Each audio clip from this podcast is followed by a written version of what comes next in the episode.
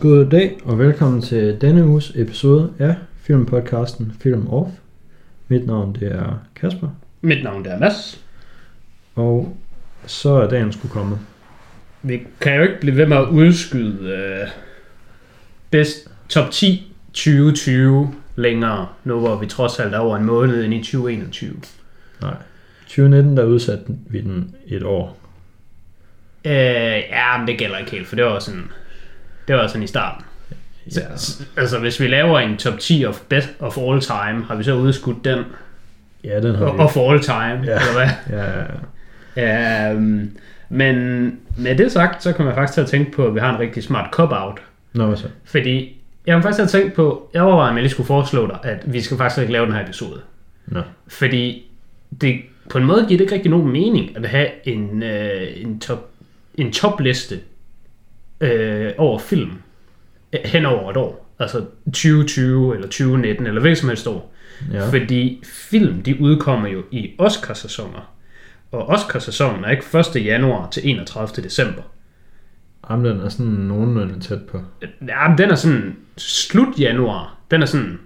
Men er den ikke blevet udskudt? Den er blevet udsat i år. Ja, den er måske også blevet udsat Den i år. længere i år end normalt. Men anyhow, så tænker jeg bare, om jeg gav vide, om det egentlig ikke gav lidt mere mening, faktisk, at i stedet for, at man bare siger, at det er fra 1. januar til 31. Så, så det være Oscar-sæson. Men vi skal jo også have en Oscar-episode. Det var så det, jeg tænkte på. Vi skal jo have en Oscar-episode, hvor det er sådan predictions, eller sådan, hvor vi i hvert fald taler om de film. Mm. Og så kan man så tænke på, at det kommer til at flette ret godt sammen med, der er nogle film, jeg ikke har nået at se øh, mm. til i dag, som jeg godt kunne tænke mig at have set. Øh, både fordi de har måske potentiale til at komme på listen, og det var måske også nogle, man måske kunne snakke om. Men de når jo nok at udkomme til Oscar-episoden.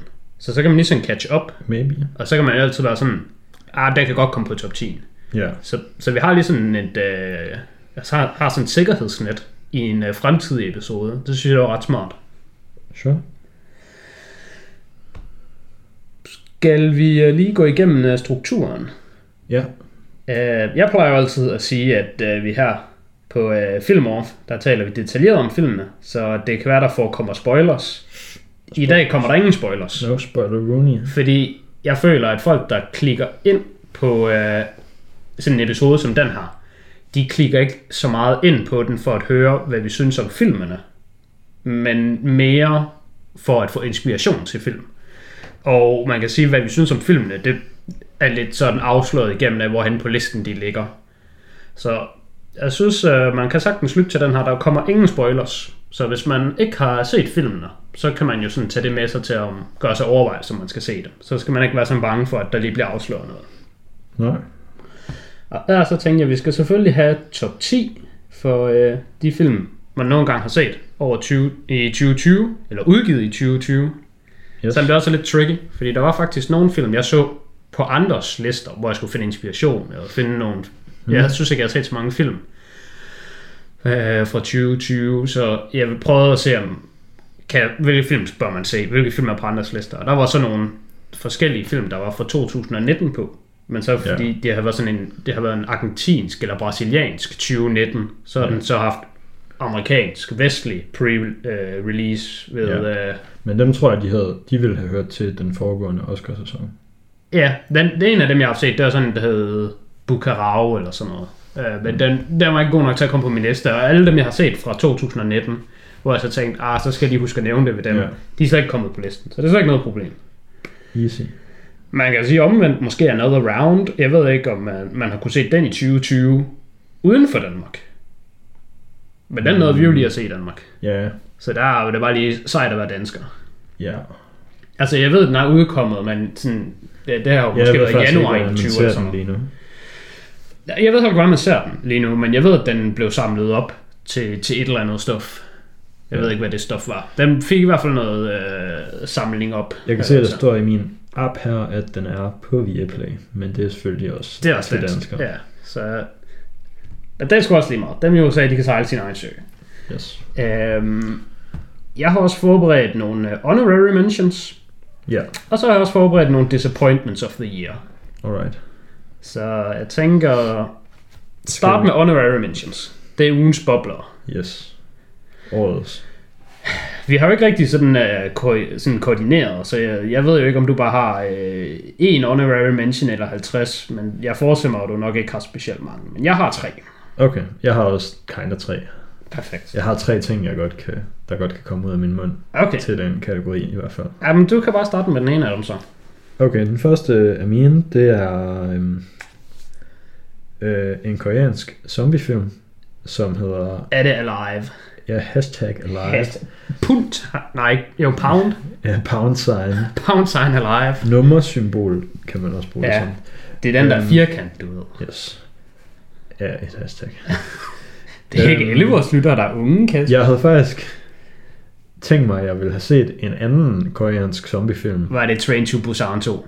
Ja, Peninsula hedder den egentlig bare. Den vil jeg også set. Eller for western audiences, Train to Busan presents Peninsula. Ja, det er sådan Fast and Furious Presents, vi har gang i. Ja. Den vil jeg også have set. Men, Men øh, så var jeg inde på den og på den her live, og så så jeg, at live bare havde bedre ratings. Og Ja. så tænkte jeg, og så ser jeg sgu bare den i stedet for. ja. Den kan Øh. godt, øh, jeg kan godt lide, at du giver den honorary mention. Hvad har du givet den? Øh, syv. Jeg har også givet den 7 ud af 10, men jeg vil sige, at det er en stor 7. Så den er fed nok. Hmm? Den er, den er, den er alright. En uh, honorary mention, jeg har, Ja. som uh, du faktisk lidt har anbefalet til mig, men Mm. jeg ved, du har ikke selv fået set den endnu. Det er Arkansas. Arkansas. Arkansas. Øh, Det er et stumt S. Det, er et stå, det, ene S er stumt. Ja. Okay, jamen Arkansas. Den er virkelig nice. Okay. Uh, den er sådan, den er sådan god dialog, god sådan handling, virkelig fede karakterer. og Den, uh, den, den hyggede jeg mig sgu rigtig meget med at se. Uh, den er meget voldelig. Mm. Så, så meget hygger man sig heller ikke, men den var sgu bare sådan, det var sgu bare sådan, det er faktisk en rigtig fin film. Den har jeg givet et, øh, et, et stort syv. Alright. Den, den ligger lige og bobler. Uh, min næste honorary mention, det er... Og inden vi, jeg ved godt, vi, okay. vi sagde, at vi ikke ville spoiler. Ja. Uh, skal man bare sige en lille smule om den? Bare sådan, sådan folk de ved, sådan Arkansas, det, det, det, det betyder jo ingenting. Ja, men nu sagde jeg selvfølgelig, at Du sagde, at det var en zombiefilm. zombiefilm ja. Jeg kan sige, at Arkansas, den, den handler om, øh, der er sådan, øh, hvad hedder sådan, drug runners. Mm. Øh, så nogen, der, der handler med stoffer. Øh, der arbejder i en organisation, og der er en stor boss, der bare hedder Mr. X, eller hvad fanden han nu hedder. De ved ikke rigtig, hvem han er, de ved ikke, hvem han arbejder for, men Big, big boss. Ja, han er sådan en eller anden, der er ingen, der ved, hvem han er. Mm. Og så på et tidspunkt, så er de sådan, skal vi, skal vi finde ud af, hvem han er? Skal vi bare køre vores eget shit? Så begynder ting at gå sådan lidt sideways. Mm. Ja, men den, den, den er sådan ret komisk på sådan en, en atypisk måde at være. Mm. Så det, det, det, er en action thriller, ja. men den er sådan underligt sjov. Mm. Min næste honorary mention, det er den sådan næsten øh, John Wick-agtige øh, actionfilm med Chris Hemsworth. Det er jo, det er jo Chris. Extraction. jeg hvor- overvejede faktisk at have den som bobler. men Hvor så jeg han hmm. øh, spiller sådan en legesoldat, der skal ind og redde et barn, der er blevet bortført i Indien. Ja, det er i hvert fald dernede. Eller blevet bortført måske fra Indien ind i et eller andet Myanmar, eller et eller andet andet Ja. lorteland, der ligger nede ved siden af. Vi er i hvert fald i det geografiske område. Yes. Og så øhm, kommer, bliver han indsat, og så smadrer han bare folk i halvanden time. Ja, to timer. Eller så smadrer han kun folk i halvanden time. For det er faktisk en af grundene til, at den ikke... En af grundene til, at den ikke er kommet på min top 10, det er, at jeg synes, den er lidt for lang. Men den er super fed, og den har et virkelig fedt one take, der sådan er super fedt. Mm. Og jeg er sgu normalt ligeglad med one takes. Altså et one take får ikke ekstra bonuspoint hos mig, bare for at være svært, og bare for at være godt lavet. Mm. Men det giver virkelig noget til scenen, det her one take. Ja. Um, jamen, den, den kunne jeg også godt lide. Hvad har du givet den? Den har jeg også givet syv. Jeg skulle Tre, også, tre og en halv stjerne. jeg skulle også givet den 7. Men den, den var tæt på at være 8, men jeg synes, den fæs lidt ud hen imod slutningen. Uh, nu du nævner Chris Hemsworth, så kan jeg sige, det er Liam. Liam Hemsworth, der er med i Arkansas. Han gør det godt deri. Hmm. Min anden honorary mention, det er en film, der hedder Run.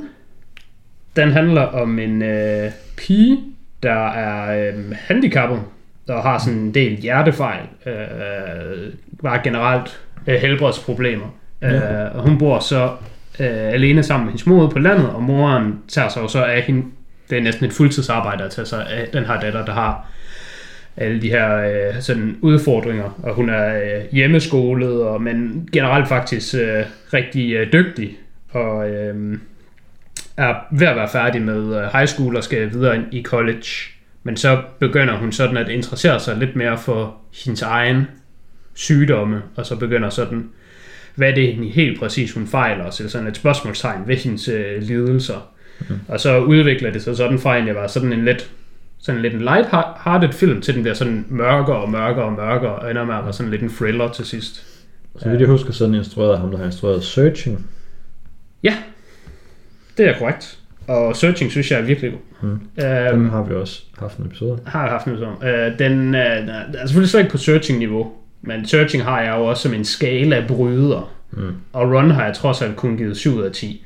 Ja. Men øh, jeg nød ret meget at se den. Det er, det er en ret klog film. Det er en ret interessant film. Det, den måske falder mest på, det er, at den er sådan lidt... At the end of the day, så er det bare en film. Altså, det er en filmfilm. Det er sådan, Sure. man, man ser filmen og tænker, det her, det er jo en historie, der er lavet til at være en film. Fordi de her ting, de sker jo ikke. Sådan her hænger verden jo ikke sammen. Og man er sådan, okay, i teorien kan vi da godt opstille et scenarie, hvor det her det lader sig gøre. Mm. Men det, det, den er sådan lidt mere, det er sgu mere en filmhistorie, end det sådan er en, man lever sig helt ind i en historie. Min sidste honorable mention. Ja, den Det tror jeg er- måske, vi har den samme. Ah, den, din den er sgu nok på top 10. Fordi du har ikke særlig mange film. Min sidste honorable mention, det er nemlig slet ikke en film. Det er sgu bare i øh, år 2020, hvor ja, det har været sådan rimelig light med store filmreleases, så synes jeg sgu, der har været noget godt tv. Ja, Øhm, Queen's Gambit kom lige ud af ingenting og overraskede fucking alle, tror jeg, med at være virkelig godt. den er meget god. Øhm, den nye sæson af The Mandalorian har også været virkelig god. Ja, jeg synes, man laver sådan ret okay. Ja. Det er sådan 7 ud af 10 for mig.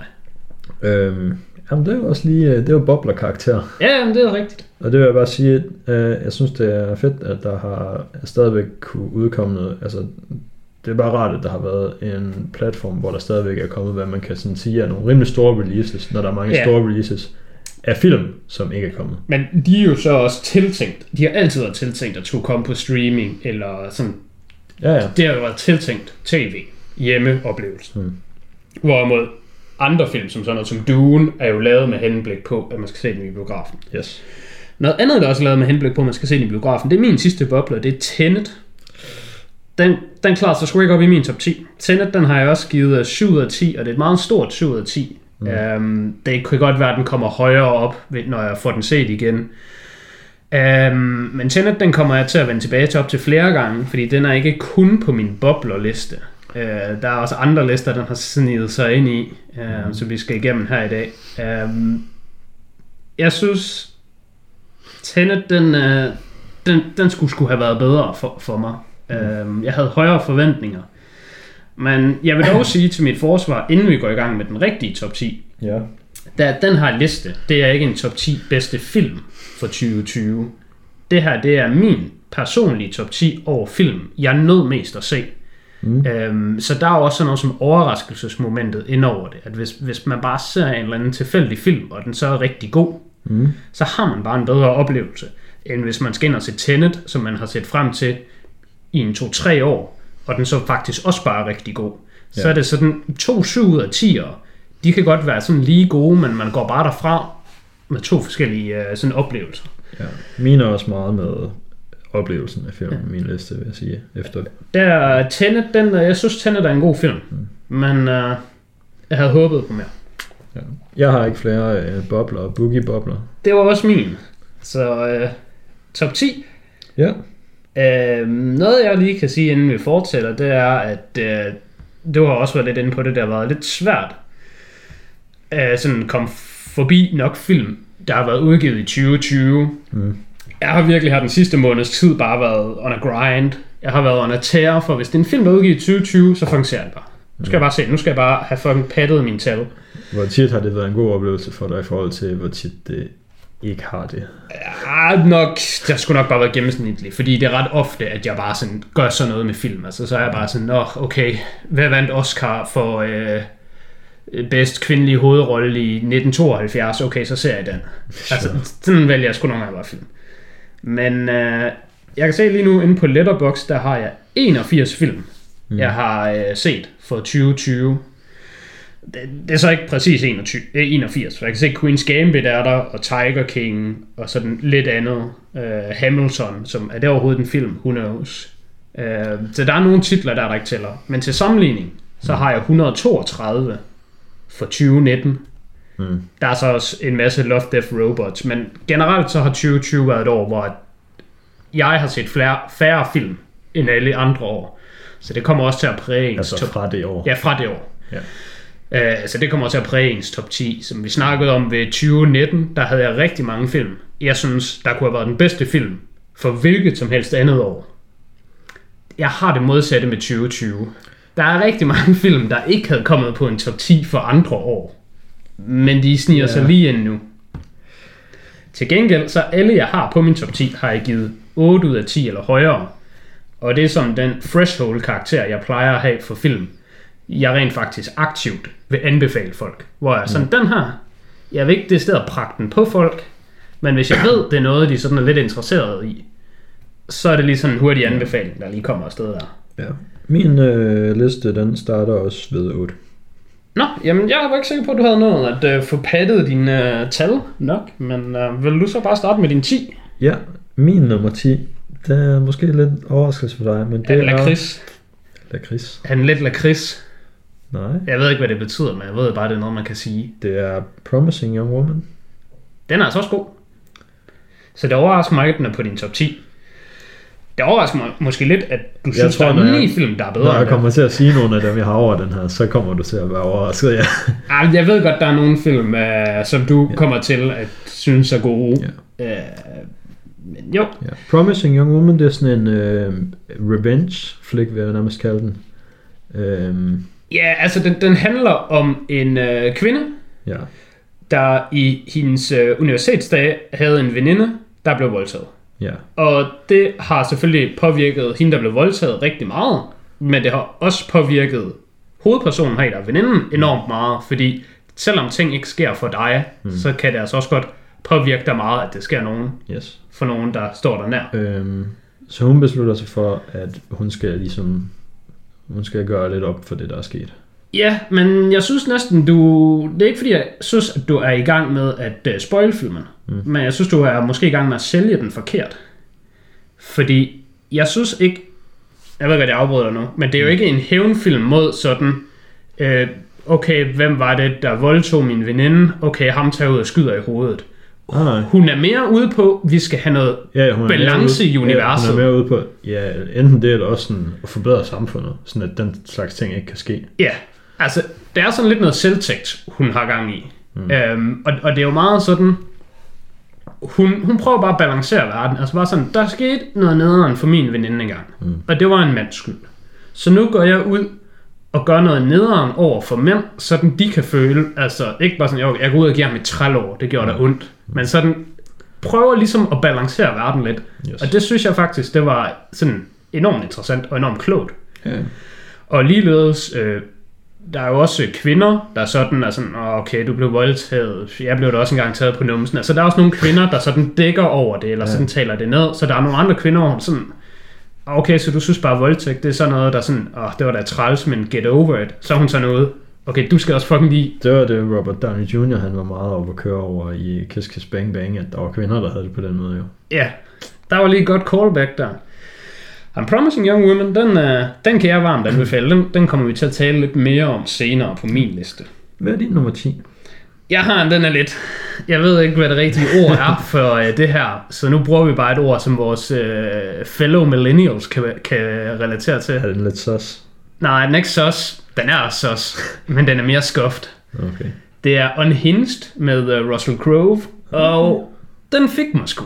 Mm. Fordi den er, den er, den er sos. Øh, nogle gange, mm. når jeg ser film, så tænker jeg, kan jeg vide, hvordan det fø- vil føles, hvis den her film bare var sådan, fucking bare tog en uvending og bare kørte direkte i den anden retning. Eller hvad nu, hvis nogen bare sådan gik sådan amok i en eller anden helt almindelig situation. Øh, nu håber jeg ikke, at det lyder for autistisk, og at jeg håber, at andre kan relatere til det her. Men for eksempel nogle gange, når man står et højt sted, så kigger man jo bare og tænker, wow, jeg kan bare hoppe ud her. Mm. Eller hvis man står på en banegård, Ja. så tænker man, Hvad er det? Call of the Abyss. Jamen, det, ja, det hedder et eller andet på fransk. Ja. Jeg kan ikke det franske, men det hedder Call of La- the Abyss. La Pelle du Vide. Ja. Omelette Call of the Void. The Void, ja. Den hedder Omelette du fromage på øh, fransk. Mm. Um, og sådan har jeg det også nogle gange med film, hvor det er sådan, hvad nu hvis man bare, altså som menneske, så er du jo en, en, en fri agent, eller hvad der man nu siger i filosofi, du kan altid gøre noget. Og det gør det i Unhinged. Den handler kort fortalt om, at øh, vi har hende kvinde, der er en hovedperson, hovedperson der, hun er på vej et sted hen, og der er meget trafik, mm. og hun skal til sådan en jobinterview eller sådan noget, en pis. Og så ude i trafikken, der er der en bil foran, hende, øh, der er sådan lidt langsommere om at køre over for øh, grønt, så hun begynder at dytte af den, og var sådan lidt, øh, sådan lidt road rage. Og så øh, ham manden, det er så Russell Crowe, han sådan lidt senere, han op i et nyt kryds, ruller han lige ned for øh, vinduet og bare lige siger til hende, hey, øh, jeg ved godt, øh, der er meget trafik og ting og sådan lidt træls og sådan noget, men så så ikke du overreagerede lidt, og hun er bare sådan, hold nu kæft, mand, du kunne sgu da bare have kørt. Og han er sådan, ja, men altså, vi andre er jo også mennesker, der kan have en dårlig dag, men øh, du kan bare, hvis du bare undskylder for din opførsel, så er vi cool. Og hun er bare sådan, fuck det, jeg skal fucking ikke undskylde for en skid. Og så var det sådan, hmm, okay, jamen så smadrer jeg bare dit liv. Altså det kan godt være, at jeg også smadrer mit eget liv.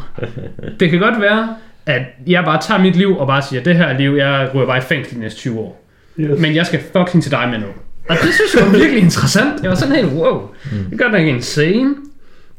Og altså, det er ikke sådan, at han bare går hen og slår hende ihjel. Det er mere bare sådan, okay, jamen altså, jeg tror slet ikke, jeg tror slet ikke, man tænker over det normalt, hvor meget du egentlig er i stand til at bare ødelægge en dag for en anden person. Ja. Altså, hvis du vil gå til ekstreme, så den, altså, der er jo ikke nogen, der stopper dig for bare at sætte ild til en bygning. Det kan du bare gøre. Nej. Altså, det, det, det er der, vi er med den her film. Og det, det Ja. overraskede Altså, mig det sgu er bare det. meget. Vi snak, har vi snakket om den på podcasten? Der er den der koreanske film. Er det The Chaser, den hedder? Det er i hvert fald en film. En koreansk film. Hvor der også er sådan en dude, hvor der sker eller andet skidt for hans kæreste. Eller Nå, ja, den har vi snakket om, ja. Og så øh, beslutter han sig bare for også at fuck Ja. ja. hans liv op. Så det- siger han bare til... Det, det er en tidligere sådan special agent, hvis øh, kæreste bliver sådan slået ihjel, eller voldt, gjort et eller andet med. Og så, så beslutter han sig også bare for at ødelægge ham der den andens liv. Så en gang imellem, altså så finder han ham bare og sådan klipper hans fingre af. Ja, bare Og sådan, så siger han bare, "Åh, okay, vi ses igen senere. Og så går der, det ved jeg ikke, en, måske en måned, og så finder han bare ham der igen, og så gør et eller andet fuck ved ham. lige brække hans arm og sige, Ja. ja. okay, øhm, jeg kommer igen i morgen, eller om en uge, who knows, Ja. ja. men jeg finder dig. Ja. Det, det, det er lidt sådan det, det, her. er ude i. Øhm, en anden sammenligning, man kan lave med en hint, det er, at den er en moderne version af Falling Down, øh, som er en meget ikonisk You tell kendt me. film. Men jeg ved ikke. Jeg, I tell you, I tell audience. Ja. Alright. Skal vi videre? Ja, det synes jeg. Vi kan heller ikke tale for meget om den. Øh, jeg, jeg sidder og sådan ændrer rækkefølgen på den her liste, mens jeg, sådan, mens jeg sidder og snakker om den. Fordi altså resten af min liste, den er altså, nærmest det hele kunne være Det er så. Det, hele var klumpet. Jeg har det også faktisk med Ja. alle, alle mine film fra nu af, Ja. og hele vejen op til to. De har alle sammen fået 8. ja. Men jeg tror, er der er en mærkeligt. af dem, jeg ender med at bombe op. ja. Det er lidt mærkeligt, fordi den jeg har tænkt mig at sige nu, den har jeg egentlig rated 9, men øh, jeg har godt nok sat den helt herned, fordi at der er nogle af de 8, jeg kommer til at sige efter, dem føler jeg, at jeg havde en bedre oplevelse med. Ja, men sådan kan det jo godt hænge sammen. Men så skal den måske bare rates en tak ned. Eller Ja. skal de andre op? Det ved jeg ikke. Måske begge. Den her, det er en øh, irsk animationsfilm, der hedder Wolfwalkers. Ah, jeg er glad for, at du har den her nu. Det er jeg glad for. Øhm, den var jeg handler- bange for, du havde så vidt. Den handler om øh, øh, en øh, engelsk far og hans datter, der er flyttet til Irland for, øh, og så her har de fået arbejde for sådan ligesom øh, de engelske besættere, så den irske befolkning, der bor der, kan ikke særlig godt lide dem. Det er på et tidspunkt, hvor England har været ved at invadere Irland. Øh, det ved jeg ikke, i 1800-tallet måske. Ja. Og øhm, så prøver de bare ligesom lidt at sådan... Det føles lidt som om, man er sådan... Altså, man er ikke omkring industrialiseringen. Fordi der er jo ikke sådan, øh, ja. sådan øh, teknologiske landvindinger endnu. Mm. Men, men der, vi er i den der periode, hvor det sådan... Skovene, de bliver hugget ned, for at man skal bruge brænde. Altså, vi er, ja. sådan, vi er sådan en æra, hvor menneskeheden skubber meget Ja. for fremskridt. Øh, og så er der sådan bare lidt med, øh, man kan sige, naturen på en måde kæmper imod den her proces. Og Ja. så, øh, ja, sker der nogle ting. Det, jeg synes, det er en meget sådan øh, heartfelt, hjertevarmende animationsfilm. l- som lidt, lidt vækker de samme følelser i en, som en random Pixar-film.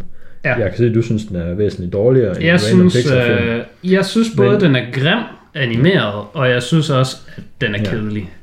Jeg synes, den var meget sød, den er ikke særlig lang, øh, og jeg synes, den var flot animeret. Ja. Men Altså- det, den har jo sådan en meget sådan specifik stil.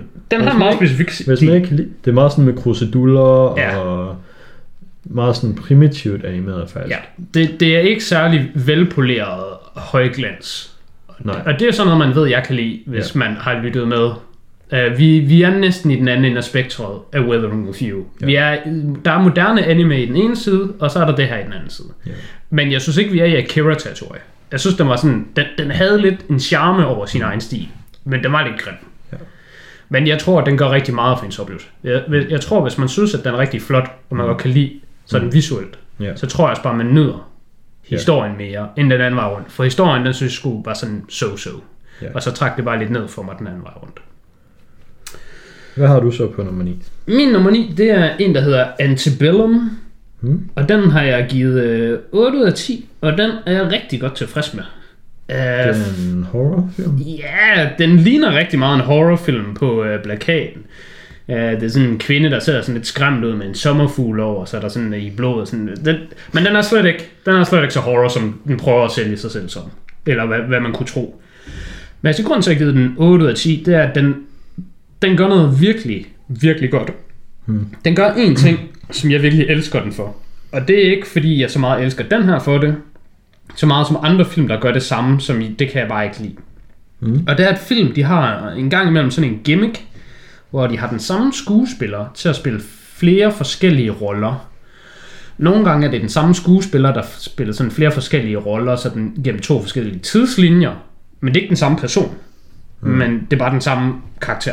Mm. Eller øh, som den der, hvis jeg, A Cloud Atlas. Cloud Atlas. Ja, som den synes jeg var terrible.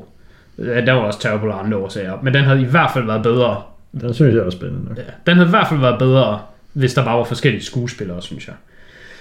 Jeg kan ikke lide den der gimmick med, at du har forskellige tidslinjer, eller du har sådan forskellige... Mm. Altså, for mig så er det bare amateur hour. Jeg kan ikke lide, at du bare har karakterer, er- der ikke har noget med hinanden at gøre. Okay, men hvad er så det gode med den her? Det er, de har noget med hinanden at gøre. Der er rent faktisk payoff. Når du ser den her film, så sidder du bare hele vejen igennem og tænker, altså, hvorfor er det, altså, hvad er det budgetproblemer? Så hyrer du en anden. Altså, der var et payoff. Og jeg ved godt med Cloud Atlas, vil man sige, der er payoffet, at øh, der er en rød tråd gennem alles liv, og de er alle sammen de samme, der bliver... Ja, sådan noget pis. Det er ikke et payoff. Det er sådan noget lommefilosofi, og det er lamt. Der er et reelt payoff i Antebellum, og det er legit godt. Mm. Hvad med How About This? Ja. Hvad hvis det er anden, der er alle karaktererne? Øh, hvis det nu er anden, der er alle karaktererne, så, så er der jo et payoff. Payoffet er jo det anden, der er alle karaktererne. Så synes jeg også, så er vi over i en anden grøft. Det, sådan noget kan, det kan jeg bedre arbejde med. Jeg kan bedre arbejde med, at du har, at det er dit statement. Det er, at du har en one-man army, der er alle. Men altså, hvad nu hvis jul på Vesterbro bare var Anders Madsen, han er Stuart og Arne, og så måske en tredje, mm. og så var der bare fem andre også med. Så er det jo ikke fedt. Nå, Altså, det, det er fedt, når vi går hele vejen igennem. ja, sure. Øhm, men men, men den, den overrasker mig vildt positivt. Og, og, altså, den, den er ret interessant thriller. Øh, den handler om... Øh, den foregår i to tidslinjer. Den ene tidslinje, det er, øh, det er ikke en spoiler, det er bare det, filmen handler om. Åh oh, nej, nej, det er mere... Vi har... Ja, tiden. Vi kommer til at få en lang episode, hvis vi skulle bruge Ja. så meget tid her for alle sammen. Jamen, øh, det gør vi ikke. Jeg vil bare sige, at den handler om to tidslinjer, hvor den ene, det er øh, en sort kvinde i slavetiden i USA, Mhm. mm-hmm. og den anden, det er så den samme sort kvinde, øh, spillet af den samme i den moderne verden, der så prøver at være sådan et tals Okay. spokeswoman imod. Mm. Og det, det ender med at falde virkelig godt i, sådan i hak. Øh, er det min nummer 8? Ja, jeg kan bare til min nummer 8. If you want. det er bare sådan, du spørger. det kunne godt være, du havde mere, du ville sige til den der film. Nej, Min nummer 8. jeg gider ikke engang, om jeg så skulle. Nej, men du må heller ikke, faktisk. Min nummer 8, det er en russisk science fiction film, der hedder Sputnik. Ja, så er vi far Øh, op der. Yes. Den handler om øhm, den foregår sådan under den kolde krig i 80'erne, tror jeg. Øhm, den handler om sådan to russiske øhm, kosmonauter, der har været ude på sådan en eller anden mission ude i rummet. Øh, og så øh, da de kommer tilbage til jorden, så øh, er der en af dem, som der er noget galt med. Og så bliver der så kaldt sådan en øh, klog læge, forsker, dame ind til at prøve at diagnostisere den her øh, kosmonaut, der kommer tilbage med et eller andet underligt going on. Ja. Øh, og den synes jeg bare, øh, det er en spændende historie.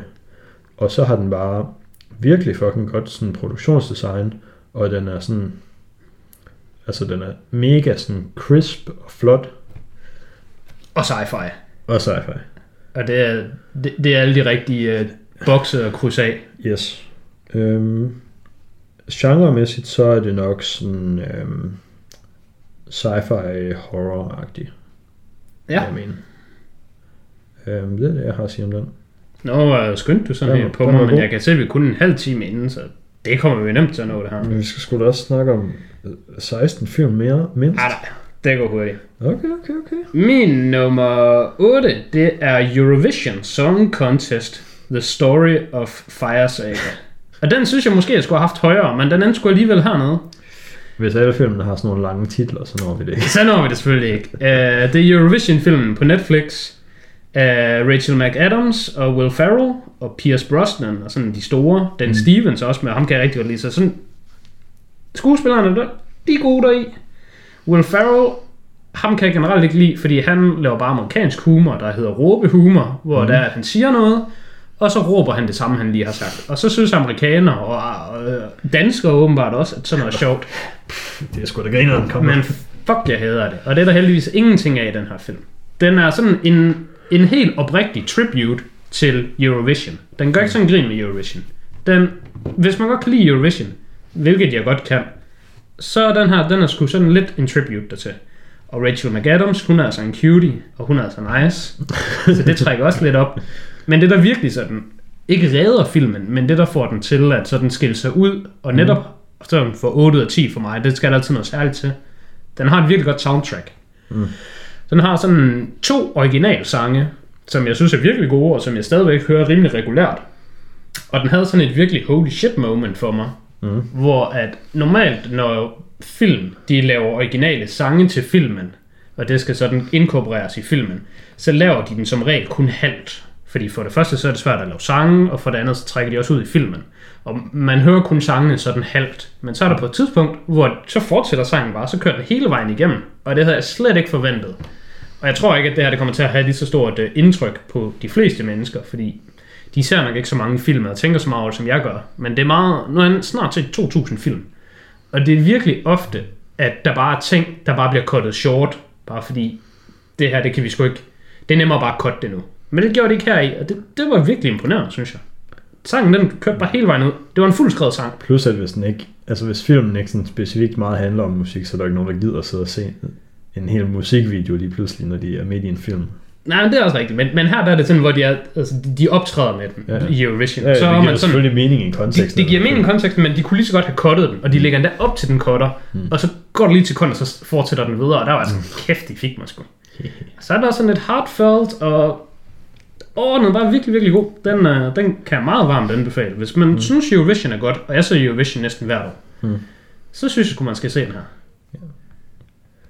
Øhm, min næste film forestiller mig en film, du måske kommer til at have på et andet tidspunkt. Men det er nemlig Soul fra Pixar.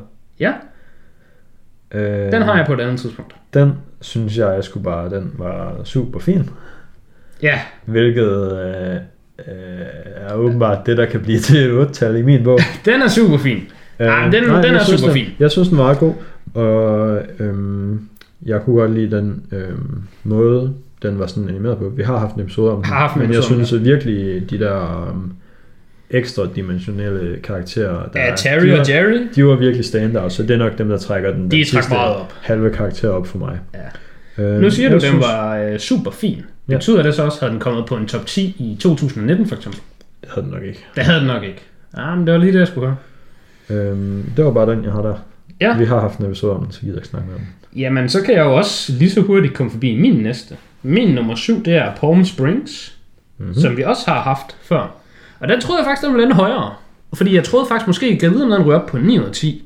Men jeg har også haft andre, jeg faktisk virkelig øh, nød rigtig meget at se. Øh, så den måtte sgu nøje med at være her, som jeg havde godt nok troet, den havde endt i top 5. Mm. Men øh, Palm Springs er sådan lidt en moderne Groundhog Day, hvis det betyder noget for nogen, der har set den. Det er sådan folk, der har fanget sådan et time loop, der går rundt. Groundhog Day, den kan man godt se. Ja, men den, den kan man sagtens se. Øh, Og Palm Springs, jeg synes ikke, den er lige så god som Groundhog Day. Men jeg synes, den er tæt på. Den er den næstbedste Groundhog Day, der er. Øhm, der, Jeg synes, altså... Jeg tror næsten, man får mere enjoyment ud af Palm Springs, hvis man har set Groundhog Day. Fordi, jeg tror også. øh, hvad den hedder, Andy Samberg. Andy Sambergs karakter, han laver nærmest direkte, han laver vist direkte referencer til, at Ja, jeg tror i, bare, at- han siger på et tidspunkt, at han er i en Groundhog Day situation måske. Ja. Og hvis man sådan ligesom er in on the loop, så får man lige sådan en, Jeg tror, han skal forklare hende pigen. I, I know that reference. Han skal forklare en pige på et tidspunkt, hvad der er, der foregår. Og så siger han bare, har du set Groundhog Day? Så Yes. det, det er derfor. Ej, den var en super sød film, en rigtig god film, og en, jeg faktisk har anbefalet til flere forskellige. Det er sådan en, det er sådan en film, den, den kan man sgu altid lige pocket pick til folk. Den, Dine forældre kan se den, dine mindre søskende kan se den, folk, der ikke giver en fuck, kan Har se vi haft den. en episode nu? Det, Ja, vi havde sådan en det har vi. triple-episode. Ja, ja, ja. Palm Springs, den, Ja, er, den, den, hvis vi havde år til overraskelse, så ville jeg putte den der i. Den var su- super cute. Okay. Øh, nummer 6. Ja. Jeg tror snart, vi, vi må snart ramme en, hvor vi har en. Jeg, jeg har god fornemmelse med 6 måske. Okay. Min nummer 6, det er uh, Love and Monsters. Fucking vidste. Jeg fucking vidste, at vi begge to ville have den på, på 6. Den er sådan en, den er sådan en, den er ikke Den helt rigtig- top 5. Det er en rigtig nummer 6. Ja, det er nemlig det, jeg fucking vidste. Øhm, Jeg har den også som nummer 6. Love and Monsters, det er sådan en action... Øh, altså, det er ikke en horrorfilm, fordi den er ikke sådan specielt uhyggelig, men den er sådan... Øh, Den kunne have været en horrorfilm. Den, Ja. den er en film, hvor at settingen er meget Ja. lys og meget flot, og stemningen er meget øh, mild, Ja. og musikken er meget sådan uplifting. Ja, altså, Men den kunne bare have det- været mørk og dyster det er nærmest for. sådan en action comedy horror. Horror comedy. Den er, jeg På vil, samme måde som... Øh, altså, den minder fucking meget om Zombieland. Zombieland men, også to, Ja. ja. men mest Men Zombieland. på samme måde som... Den vil jeg også kalde en horror comedy. Og Shaun of the Dead er også en horror comedy. Ja, jeg vil godt nok kalde nogen af dem horror, men jeg kan se, hvad du mener. Jeg vil, jeg vil bare kalde det for en... Altså, jeg vil synes, det er, det er en action-komedie, men mm. settingen er en, men i en horror-setting. Fordi der er bare monstre. Ja. Og det er jo måske horror eller hvad. Men de, Ja. yeah. jo, jeg synes, det er på intet tidspunkt sådan rigtig uhyggeligt. Nej, lad os lige... Okay, men der står slet ikke horror faktisk inde på... Fordi hvis den skulle være Letterboxd. horror, så vil jeg mene, så skulle der næsten være sådan en scene eller to, og så, så går den ned i sådan en mørk gang, og du ved, der er sådan en, en alien rundt om hjørnet, og du sidder der med sådan... Men er der ikke også det sådan lige i starten, der hvor de der... Jo, men- Der, deres bunker bliver breached, og så er de Jo, andre men- ude, og så er der den der fucking alien Ja. scene, hvor der er den der alien bagved. Det var specifikt den, jeg nemlig ville ville henvise til. Psycho-scenen. Ja, at den, den er der, og den er lige i starten, men så, så er der ikke rigtig mere af den. Yes. Men der er til en scene, hvor der er en mega fed tusse med. Ja. Der er sådan en fucking tusse, og den kommer bare op af en brønd, og jeg elsker den fucking tusse. Hold kæft, den var sej. Yes. Den, den, da, jeg, da, den, da den tusse-scenen var der, så er jeg sådan, den her film får fucking 8 ud af 10. og så kan det være, det bliver højere, men nu er vi locked. Den var fucking Og så er der en hund, hund der i, der er fucking sød. Man godt kan lide hunden, så Hunden, den er også what's kan up. man gætte ind. Øh, Den der får jeg noget mega nice. Mm. Og sådan altså, det er faktisk en, en virkelig fed film. Øh, for mig så taber den lidt på, jeg, jeg kunne ikke specielt godt lide skuespillerne. Det var ikke fordi, jeg synes sådan noget negativt om dem, jeg synes ikke noget positivt om dem. De var sgu mm. bare sådan, de trak sgu ned. Men monsterne var mega fede. Hunden, som du siger, var cool nok, men det var bare sådan, jeg, følte, jeg synes, den manglede noget punch. Ham der hovedpersonen der i, han var sat med weak shit. Altså, det var næsten som om, de havde taget Zombieland. Mm. Og, og, jeg synes, det var meget on the nose, at der er nogle af karaktererne i Love and Monsters, de er bare en til en stjålet fra Zombieland. Mm. Øh, ham der er Texas Guy og hende den lille pige. Og ham her hovedpersonen, han er fandme ikke nogen Jesse Eisenberg. Han gør det, han gør det ikke godt nok med at carry filmen, synes jeg. Det, det var det, der holdt den lidt nede for mig. Ja, han er Og ikke så- så, så karismatisk, nej. Så hen imod øh, slutningen, der var den sådan lidt... Der, der kunne godt ske nogle federe ting. Mm. Men der var sådan en god øh, family popcorn movie. Yes. Adventure. Den er vi... Vi kan begge så godt lide adventurefilm. den var ikke det, jeg vil sige, det var en god adventurefilm. Men det var en Men, øh, den adventurefilm. kom på et tidspunkt, hvor man var starving for Ja. noget godt adventure. Ja, jeg, altså adventure, det er sådan noget, hvor det behøver ikke engang være en god adventurefilm, for at jeg har det, en, en god oplevelse. Ja. Men den her, den var sådan above average. Yes. Din nummer 6. Det er Love and Monsters. Nå ja, det jeg. Wow, gør dem. Uh, men inden vi hopper videre til top 5, Så har vi så har vi fandme, det, hvad er det modsatte af bobler? Hvad er for et årets skuffelser? Der har jeg lige et par stykker. årets, øh, Fucking skuffelse. årets dabs. De har dabbet på sig selv, dem her. Ja. Jeg har en 4-5 stykker. Men der er Okay. ikke, det er ikke lang tid, de tager. Skal jeg starte? Ja, start. Tenet, den kan jeg lige nævne igen. Den var sgu...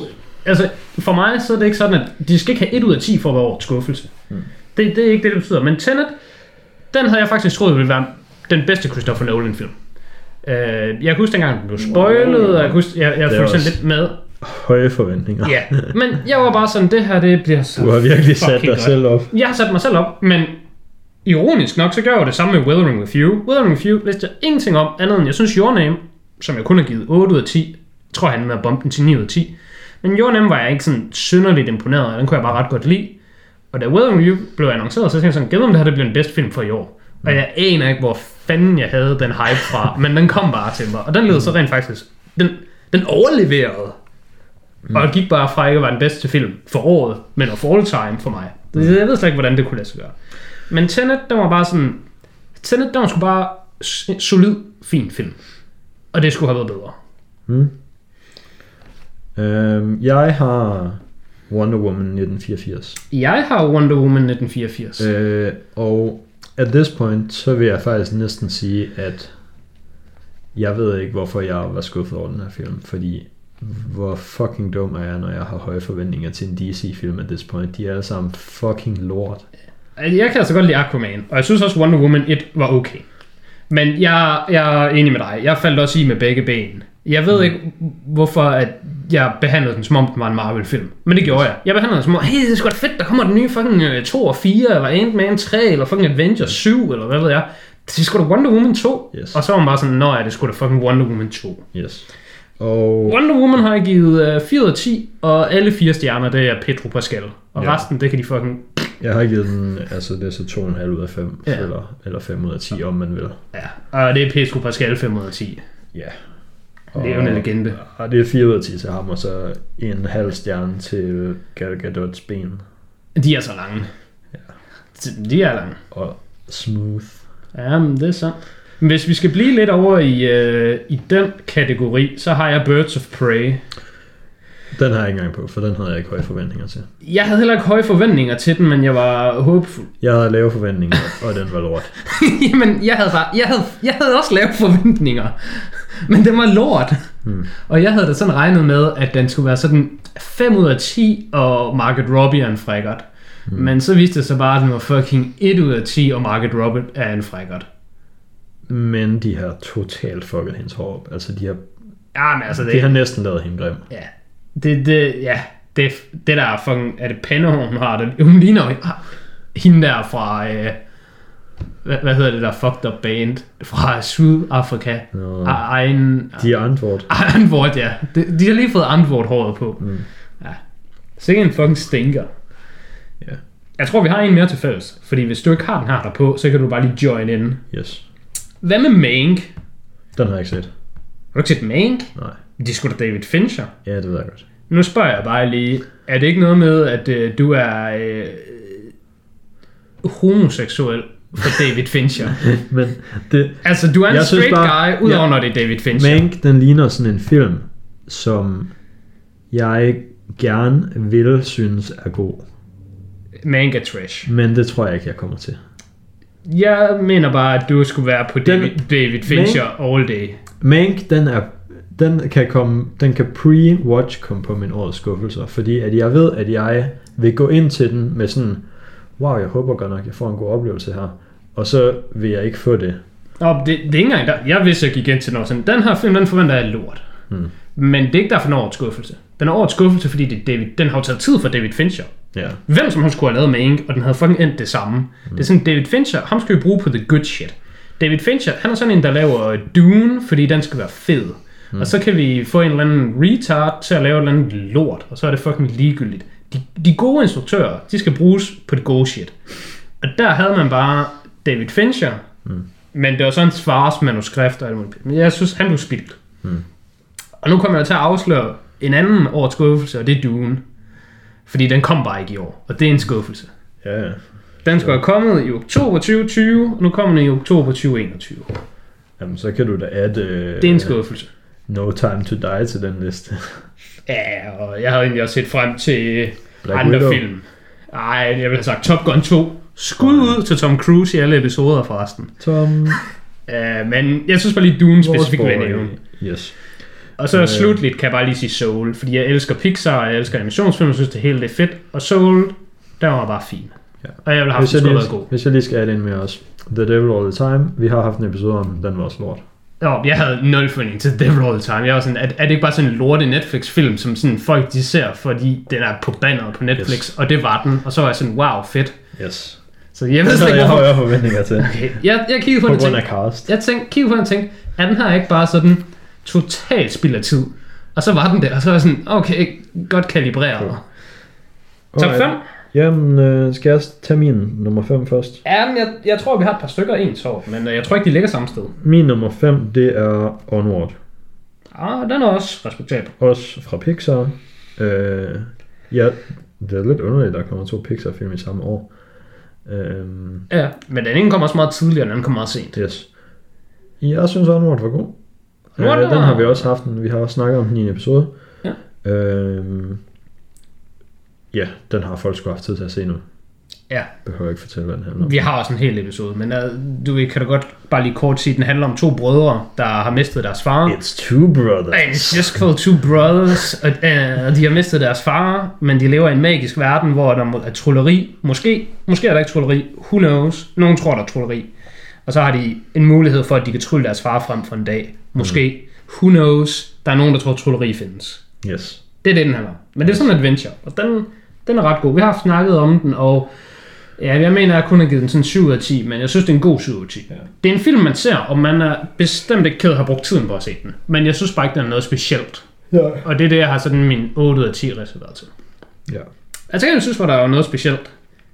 Hmm. Og igen, jeg har sagt til ham mange film. Jeg havde fundet, at den her ville ende højere på min liste. Hmm. Men på femtepladsen har jeg Happiest Season.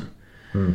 Som virkelig overrasker mig. Der synes jeg virkelig var super fin julefilm, og da jeg så den, altså jeg var sgu rutsjebane af følelser. Jeg var op og nede, og jeg blev sgu emotionelt påvirket, og det gik lige i hjertet en af scenerne, og Mm super fin film. Jeg havde sgu ikke regnet med, at den ville være god. Jeg så den bare, fordi vi skulle se julefilm, og så er jeg sådan, I guess, jeg skal se en julefilm for i år, og der er no way, jeg gider se fucking Fat Man, eller sådan noget. Den der... Jeg så fedt med den. Var faktisk fed nok. Jamen, jeg tror også, Fat Man er fed nok. Det, det var fordi, jeg kunne ikke lige huske, hvad den anden hed. Den der, hvor du sagde, etteren er okay, og toeren er forfærdelig. Og Christmas Chronicles. Ja, jeg, jeg gad ikke lige se det der pis. Så jeg tænkte, Happy Season, det kan da være, den har en chance. Og den var faktisk virkelig så. Mm. Ja, den kunne jeg rigtig godt lide. Jeg har den bare på straight 7 ud af 10. Den, kan, den skal jeg ikke have nogen steder på den her liste. Jeg kunne finde på at se den igen. Jeg synes, den var rigtig god. Men jeg kunne også tro, at jeg er sådan lidt mere personligt investeret Mm. mm. i uh, sådan den type film. Uh, jeg, jeg synes, det der med sådan uh, undertrykte forhold, Ja. yeah. som sådan noget som lesbisk eller homoseksuel eller den slags, Ja, der ligesom er sådan, spændende. prøver sådan at, at, at kæmpe for deres ret i verden. Sådan noget, Jeg det synes- kan jeg godt lide. Jeg synes, det var lidt lamt, at hun ikke bare ville fortælle det til sine forældre. Altså, det var sådan... Bare sig, sig det nu for helvede. Ja. Men det, jeg forstår godt, hvad du mener, fordi sådan havde jeg det med en anden film, jeg så her for nylig, der hed Safety øh, fra Disney+, Plus, Mm. hvor det var sådan, wow, alle de her non-issues, der bare skaber drama. Yes. Øh, hvorfor siger du ikke bare tingene, som de er, og så er vi done? Ja. Så det er sådan, sådan noget her, det er meget personligt med, hvad, hvad, man, hvad, hvad synes man faktisk? Filmen præsenterer noget som et issue, mm. og så er man bare sådan, okay, men det er det ikke. Mm. Øh, så er vi ved Ved min- fire. Min nummer 4. Vi er også ved min nummer 4. Jeg tager en prediction mere. Har vi den samme her? Har vi Kid Detective? Det kan du tro. Jeg vidste det. Jeg fucking vidste. Den er nemlig sådan, den er ikke en top 3'er. Men den er den, den, er den bedste, den er den bedste 8'er. Ja, jeg synes, The Kid Detective var vir- virkelig fed. Jeg havde, øhm, jeg havde set den, da vi snakkede om Kiss Kiss Bang Bang og The Nice Guys. Ja. Og den er i en genre, der minder meget om dem, som er en genre, jeg godt kan lide. Som er sådan, altså det er jo bare sådan en moderne film noir. Men også hvor de sådan, altså de player den ikke straight, de prøver sådan lidt at parodiere, parodiere genren. Ja. Men også give tribute. Ja. Den, den er helt vejen omkring. Den kan Yes. grine med det. Den Yes. payer tribute. Den er sådan oprigtig mm. øh, hovedpersonen. Han er klog, men han er også dum. Mm. Men han er også dum, fordi han er klog. Men han er også klog, fordi han er dum. Øh, Der er mange Ja. ting, der ligesom kører rundt. Nu snakkede vi tidligere om, at øh, du synes, øh, vi havde en hovedperson, der ikke kunne carry. Den Han kunne sætte med med. carry. Jeg synes, Adam Brody i den her, han var fandme fed. Han var virkelig god. Han carried. Ja. Han carried easy. Den havde ikke fået 8 ud af 10 fjerde bedste øh, oplevelse for året, hvis det havde været sådan en eller anden... Øh, hvad er det nu ham der, folk godt kan lide, øh, ham der spiller Bruce Banner, ham der er fucking, jeg er ligeglad med ham, mm. Hvad hedder han? Ham fra Kiss Kiss Bang Bang. Ham, For Kiss Kiss Bang Bang. ham der spiller Bruce Banner for helvede. Ham der Han er spiller ikke med Kiss Kiss Bang Bang. Jo, han er det så. Nej. Det er Mark Ruffalo. Ja. Han er med i Kiss Kiss Bang Bang. Nej. Jo. Nej. Han var med i Collateral. Nå ja, fuck. Jamen der kan du bare se. Alt han er med i, der er sådan, Mark Ruffalo, Ja. du eksisterer bare, og så forsvinder du igen. Hvis Så han det- havde været The ja. Kid Detective, så havde det været... Så har The Kid Detective også en uh, child actress, der er rimelig god, men hun er faktisk bare 20, så hun er ikke en child actress. Cool. Er det hende, øh, hende der er Det er hende, der 16? har, eller det er hende, der har sagen. Der har sagen, ja. Ja, men man er ikke en child actress, når man er plus 15. Og så selv hvis hun har været 15, så er hun ikke child actress. Mm. Child actress stopper, når du er 12 at most. Sure. Altså så er du teenager. Men hun er meget sjov. Jamen, altså castet, det var ret godt, og Kid Detective er også lidt derover i det, jeg nævnte med en hens, det der, hvor man nogle gange sådan, jeg ved, hvordan det vil være, hvis vi bare sådan bare tager en meget skarp vending lige pludselig. Det, mm. det, det synes jeg, filmen den gjorde ret godt. Mm. Øh, Så kommer vi til Top 3. bare min nummer 3 straight up. Det kan jo være, at jeg skal tage min nummer 3 nu. Overhalede jeg da jo lige med, at jeg kunne forudse, at vi havde fireren på det samme. Det kan du godt. Uh, min nummer 3, den har også kun fået 8 ud af 10, Det har min også. men den er en af dem, der er tættest på 9 ud af 10. Og jeg tror sgu, den ryger op. Fordi vi skal jo støtte Danmark. Ja. Nå, nå, nå, nå. Dan- Danmark er for danskere. Og druk, den er, den er altså god. Det er sgu sådan lidt, vi skal have lidt, Danmark, det skal lidt op i ratings. Så den tror jeg skulle lige, at uh, we do it live. Jeg går lige ind og lige giver den 4,5 ud af 5. Sådan. Men jeg kan selvfølgelig se, at nogle andre, jeg har på øh, min letterboxd, har givet den halvanden og bare skider på den. Så hvad ved jeg? Øh, men jeg synes, at Another Round, den var virkelig god. Og jeg havde faktisk en, en bedre oplevelse, end hvad jeg havde forventet, da vi var inde og se den. Hmm. Fordi jeg havde ikke de helt store forventninger til den. Men der var, der var virkelig solid. Og du fik nævnt, at man kunne se den på Viaplay, så det vil jeg, vil klart anbefale folk at se den. Noget af det, jeg ved, den har fået lidt kritik for, eller noget, i hvert fald nogen, der ikke så kan lide den, der, det, det føles ikke som om, den tager et standpunkt i forhold til det her med druk. Nej. Det synes jeg i hvert fald ikke rigtigt, den gør. Nej. Fordi den omtaler det som om, altså der er nogle scener deri, hvor det er bare sådan, åh, det er godt nok dumt, bare den kultur, Altså- altså, vi har med druk i Danmark. Men der er også andre gange, hvor folk er sådan, ja, men altså, Jeg synes, det er jo bare fint, at ja, det er sådan i Danmark. altså, jeg synes næsten, den præsenterer det sådan så upartisk som muligt. Altså, det er jo både, den viser både de gode sider af at drikke en masse, og den viser de dårlige sider. Ja, Og det er jo bare, kan man sige, nærmest den bedste måde at præsentere et emne på. Jamen, jeg synes også, at øh, den gør det rigtig godt, og så, vi har jo haft en episode om den, men øh, skuespillerne er der i, altså Thomas Bo Larsen, han er, jeg sagde også det her om Parasite, så det kan være, at, øh, at alt er muligt nu, men Thomas Bo Larsen, han skal have en Oscar-nominering for Best Supporting Actor. Plus du skal tænke på, at det er et fucking pathetic filmår. Vi, Ja. Det er en pathetic Oscar-sæson, vi bevæger. Hans, altså der er jo ikke, der er jo ikke nogen 1917 i år. Der er jo ikke sådan en Oscar sweep. Det var ikke fordi den er så Oscar sweepet, men 1917 er sådan, at man tænker, ah okay, der er 1917, den kan jo godt bare æde fucking alt. Sådan noget har vi altså ikke i år. Jeg synes, Another Round, den fortjener en Oscar for år til udenlandske film. Den kunne godt blive nomineret til bedste film. Bedste film er bedste udenlandske. Bedste film. Straight up, Ja. Jeg Altså, elsker jeg ved ikke, om den kunne vinde. Den kan easy blive nomineret. Jeg elsker det, Kasper. Der er sådan 10 nomineret. Det der, det der, du sælger, jeg køber det. Jeg køber det. Jeg kan, Ja, ja. kan investere i de her fucking druk stocks, så get me in. Okay, men det kan være, at jeg lige skal tage min nummer 3 så. Ja, Det er Tenet. det er Tenet. Jeg Så troede kom- lige, da du sagde det på den måde, det var som om, at nu kom din druk. Nej, nej, nej. Men den tror jeg, du har højere. Tenet er min øh, nummer 3, og det er den sidste film på min liste, som jeg har givet 8 ud af 10. Ja, Øh, jeg har givet Tenet en så høj karakter. Så høj karakter. så lav karakter, om man vælger det ikke, når det er Christopher Nolan. Jeg synes 8 er en god karakter. Øhm, og jeg har givet den det, fordi at jeg synes, det var pissefedt at være i biografen og se den. Øh, Altså, den var, den, var jo det, den var jo det, jeg populært godt kan lide at kalde skala-brydende. I hvert fald de første 10 minutter. Måske endda det første kvarter, der var jo sådan, det her, det er 14 ud af 10, og det går bare op, op, op. Fucking, vi skal bare opad. Yes. Den startede øh, totalt insane. Og da vi var inde i biografen og se den, der havde de skruet alt for højt op for anlægget, og det synes jeg bare var fucking fedt. Jeg skulle bare... Dine ører, det der- dine ører, de skulle gøre ondt bagefter, yes, da du kom ud. jeg skulle have Christopher Nolans psykopatiske soundmaster øh, ind i mine ører. Øh, Som godt og- kunne blive nomineret til en Oscar for sound design. Der kunne vi godt være. who knows. Der kan vi godt være. Det var fucking dårligt master jo. Nå ja, det ved godt. Men vi havde undertekster på i de danske biografer, så jeg havde ikke de der problemer, eller de engelske publikum har haft med, at vi kunne ikke høre, hvad folk sagde. Jeg, har faktisk, jeg vil gerne op til øh, den her episode, der vil jeg gerne have set Tenet igen, fordi den, den ligger, som jeg nævnte, den ligger og bobler lidt for mig. Og jeg har måske regnet med, at den kunne godt boble opad. Ja. Men jeg fik ikke tid til det. Jeg tænkte, hvis jeg skulle se den igen, så ville jeg se det uden undertekster, for bare at opleve det. Og øhm, det var sådan, altså det er nærmest den mest hyppige klage, jeg har læst i en film. Og det problem havde jeg jo så ikke. Så good for me. Det var jo bare heldigt for os. Ja, Ærgerligt for dem, der ikke så den med undertekster på i biografen.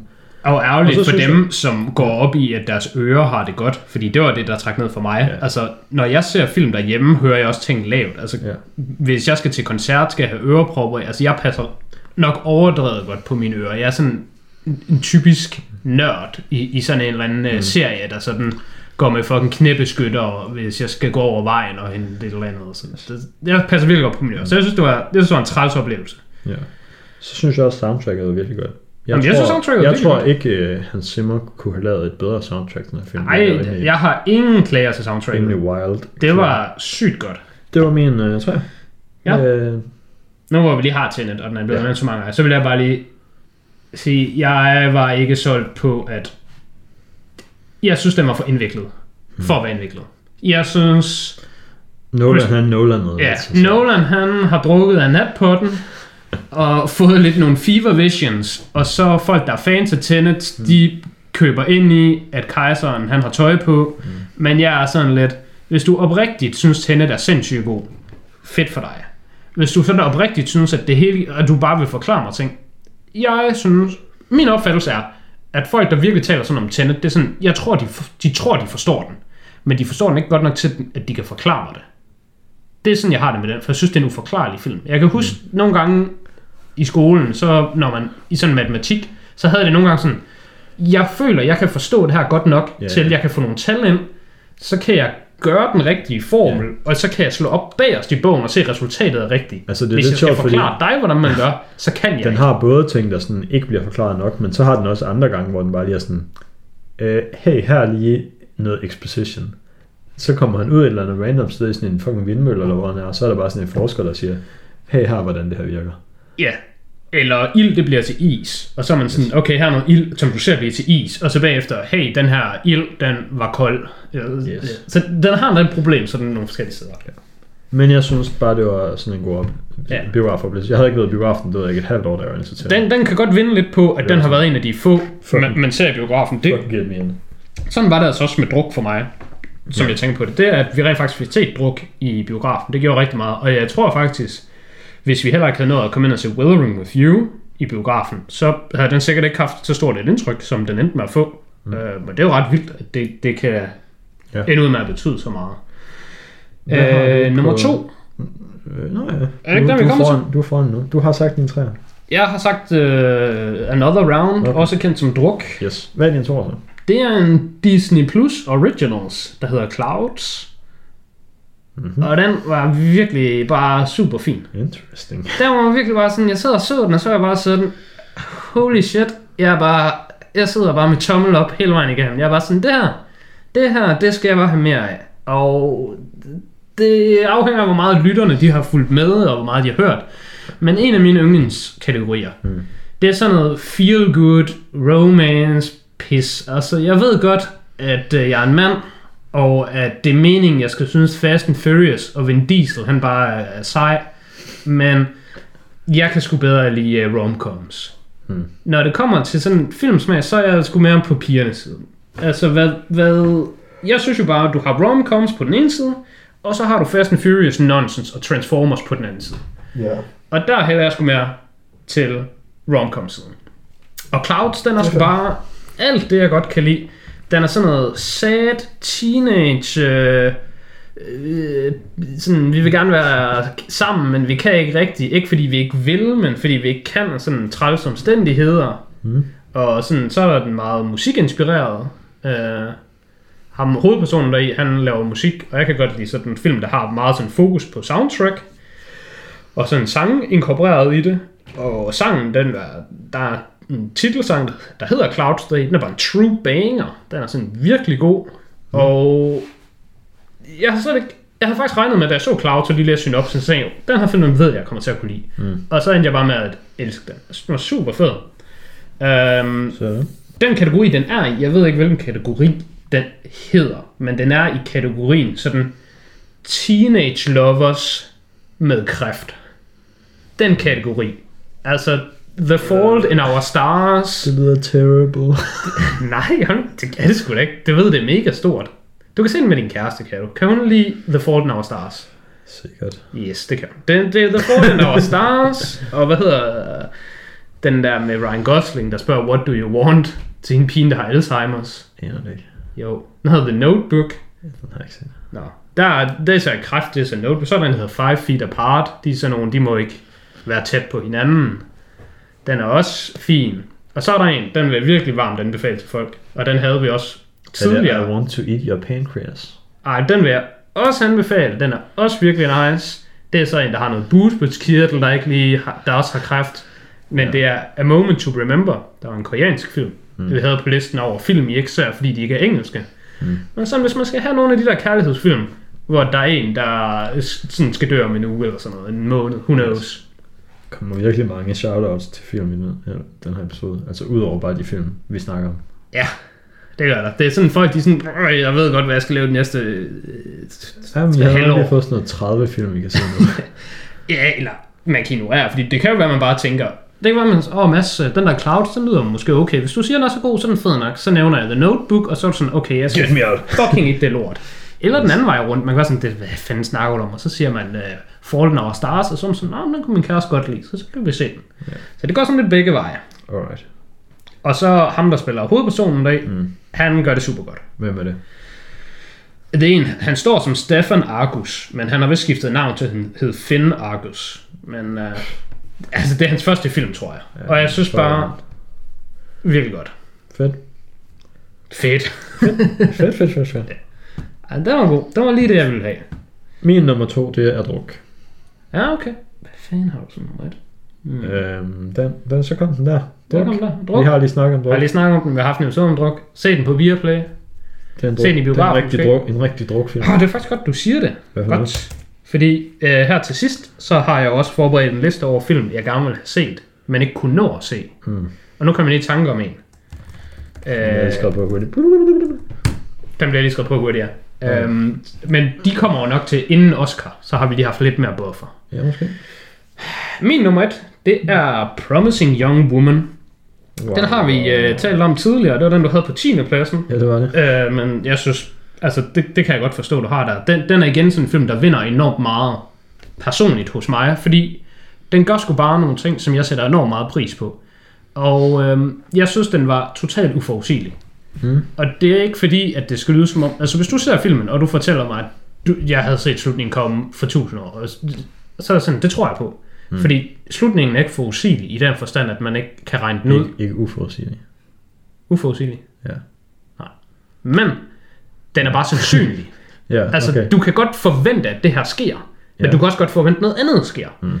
Altså, hen imod slutningen, der havde jeg sådan fire forskellige ting, jeg tænkte, der sker en af de her fire ting. Mm. Enten så fucking, øh, de vinder, eller de taber, eller de spiller uafgjort, eller kampen er aflyst. Der sker en af de her ting, uanset hvad der sker, så glæder jeg mig faktisk bare til at se det.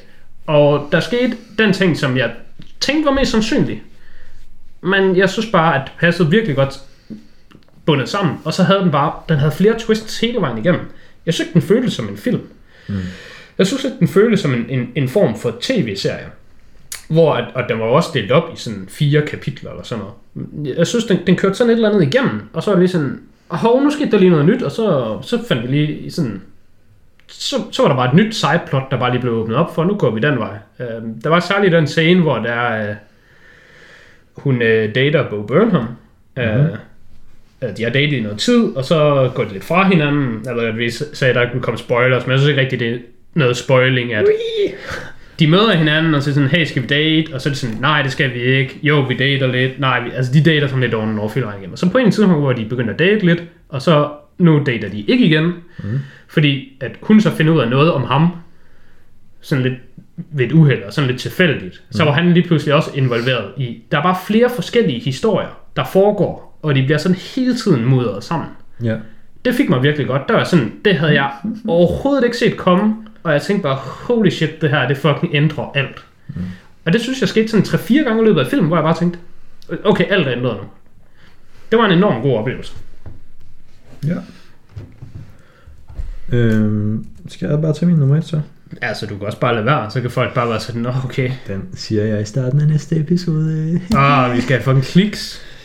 Øh, nej, min øh, nummer et, den øh, ryger helt herop. Øh, den ryger nok et par pladser op af listen, fordi at den både er en god film, men også var den, min, en af mine de største overraskelser for mig. Det er nemlig Palm Springs. Den er også fed. Der var en god oplevelse. Øhm, den synes jeg skulle bare var virkelig fucking god.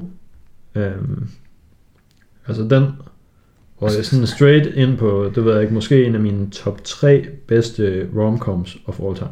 Jamen, den, den gør det også godt. Den er ikke helt Crazy Stupid Love, men vi er Crazy Stupid Love adjacent. Og Ja. det, det er en god, god kategori at være i. Ja. Og den var jo også bare sådan en straight to Hulu release, øh, som er nogle af de der, måske lidt ligesom den der Clouds med, så, blød, så kommer der bare en film ud, og så er man sådan, okay, jeg har ingen forventning til den her. Jamen, det er så sådan, den der bare- Cloud, så er også bare sådan, jeg har hørt ingen tale om den. Jeg har ikke, jeg ved ikke engang, hvor den kommer fra. Jeg, den, lige pludselig, så var den der bare. Det er rigtigt, sådan Og var den med det Palm samme med, oh, der er lige den her film, man kan se. Ja, og men så så jeg den, og så var den bare pissegod. Den var pissegod. Den, altså, for i år, der vil jeg nok sætte uh, Clouds og Palm Springs tied på førstepladsen over så den bedste film. Vurderet kun ud fra, da du gik ind til da du gik ud. Mm. Fordi den er bare sådan en, okay, ind på Netflix, se den der er på banner, The Devil All The Time. Okay, hvorhen er fucking galgen, så hænger jeg mig selv. Altså, øh, men dem her, de var bare sådan, "Wow, fandme en god enjoyment hele vejen igennem. Jamen, jeg kan snilt respektere, at du har den øh, på førstepladsen. Så øh, her til sidst, så har vi lige, det er bare rapid fire runde, så bare roligt, vi løber ikke for meget over tid. Så det, det er ekstra bobler. Det her, det er jo ekstra bobler. Nå, nej, det er dem, vi ikke har set Det er dem, vi ikke har set endnu. Ja. Øh, Minari har fået rigtig meget omtale. Ja. The Father kunne jeg godt tænke mig at se. Um, Demon Slayer, uh, Train to et eller andet sted. Jeg har lige fået set hele serien, og jeg synes ikke, den er særlig god. Sådan 3 ud af 10, men jeg glæder mig virkelig meget til filmen alligevel. Så er der, uh, nu skriver jeg noten, Mads Mikkelsen film nummer 2, for jeg kan ikke huske, hvad den hedder. Retfærdighedens rytter. Retfærdighedens Rytter ærger mig virkelig over, at jeg ikke nåede at se den i biografen. Du havde lige et fucking vindue på en uge eller to, og så var de Ja. ja. bare sådan, fuck ja. Yes. Den, den skal jeg i hvert fald ind og se, når øh, det bliver en mulighed. Og så ellers, så er der jo, øh, dem har de ikke udgivet i øh, 2020, men de kommer vist til at være med i Oscarsæsonen. Det er en, der hedder Cherry med Tom Holland. Den tror jeg måske også lidt på din radar. Ja, den glæder mig til. Og det så- er jo russo Det er nemlig Russo-brødrene, så Det den, er deres første film post-endgame. ja, den, den tænker jeg nok, du også havde på din radar. Den er Øh, højt på min radar. Ja, men den, den glæder mig til at komme, den, øh, den tror jeg, den når at komme ind. Og så er der en, der hedder Vanguard. Der er en øh, kinesisk actionfilm med Jackie Chan, og øh, den kunne jeg bare godt tænke mig at se. Bare for lige sådan se den. Jeg forventer ikke, at den kommer på en top 10 liste. Just, just cause. Jeg forventer heller ikke, at den kommer med til Oscar, men jeg skulle bare lige se den. Alright. Har du Øh. nogen, øh, du går sådan og tænker? Jeg havde faktisk bare min egen. Du havde bare min egen. Jeg synes også, det var en øh, sidste, men øh, den har rigtig kunne komme på, så det er der jo nok ikke. Jeg kan lige øh, se øh, fucking hurtigt her. Er du lige doing it live? Ja. Altså, det kunne du have gjort, mens jeg snakkede tidligere. Jamen, øh, så, så, så er det ikke du true. mig, Nå, ja, så jeg har en. du mig on the spot. Så tager jeg bare lige en, fordi jeg er jo forberedt. Jeg har ikke nogen. The Dry kunne jeg også godt tænke mig at se. The Dry. Det er The Dry. Den kommer lige ud af nowhere. Du er sådan, jeg har ikke hørt om Palm Springs, er den overhovedet god? Jeg ved ikke noget om anything. Hvad med The Dry? Den er bare, den er rated sådan rimelig højt inde på uh, IMDb. Jeg tror, det er sådan en uh, uh, detective-agtig film. Men ikke sådan en uh, clumsy. Okay, get me in. Det er ikke sådan en clumsy detective, men det er sådan en actual detective. Mm. Og det er Eric Banner, og det er ikke fordi, jeg synes, han er sådan... Wow, jeg skal bare se den, fordi det er ham. Men jeg er stadig sådan, okay, han, han har det sådan, han har det mere appeal end Mark Ruffalo, I guess. Men kan du bede om Edward Norton? Giv mig Edward Norton. Giv mig Edward. Edward Norton, han skal, han skal på menuen. Um, men jeg ved faktisk ikke, om The Dry er udkommet. Jeg kan se, at den havde premiere 1. januar 2021 i USA. Um, Er der nogen, der kan deepfake Edward Norton ind i alle Marvel-filmene? Som Øh. muligt? når du siger, hvis man nu skulle deepfake Ja. en uh, Indiana Jones, Ja. hvem skulle det så være? Nick Cage. Ja! Yeah. Fuck, vi er på bølgelængde. Det er næsten ugudeligt at foreslå at deepfake Harrison Ford. Mm. Men Nick Cage, han kan få lov. Ja. Nå, skal Det var- vi uh, sige, at det var alt for nu? Det var alt for den 25 øre. Please giv os en 25 øre. Uh, det vil jeg gerne. Der var en gang, hvor vi sådan gik efter at få sådan VPN uh, sponsorship eller sådan et eller andet. Nu må vi sådan Ja. virkelig være skrab bunden, hvis vi er 25 øre. Ja, min mobile er 23 72 15 54. Man kan bare sende 25 øre. Jamen tak fordi I lyttede med.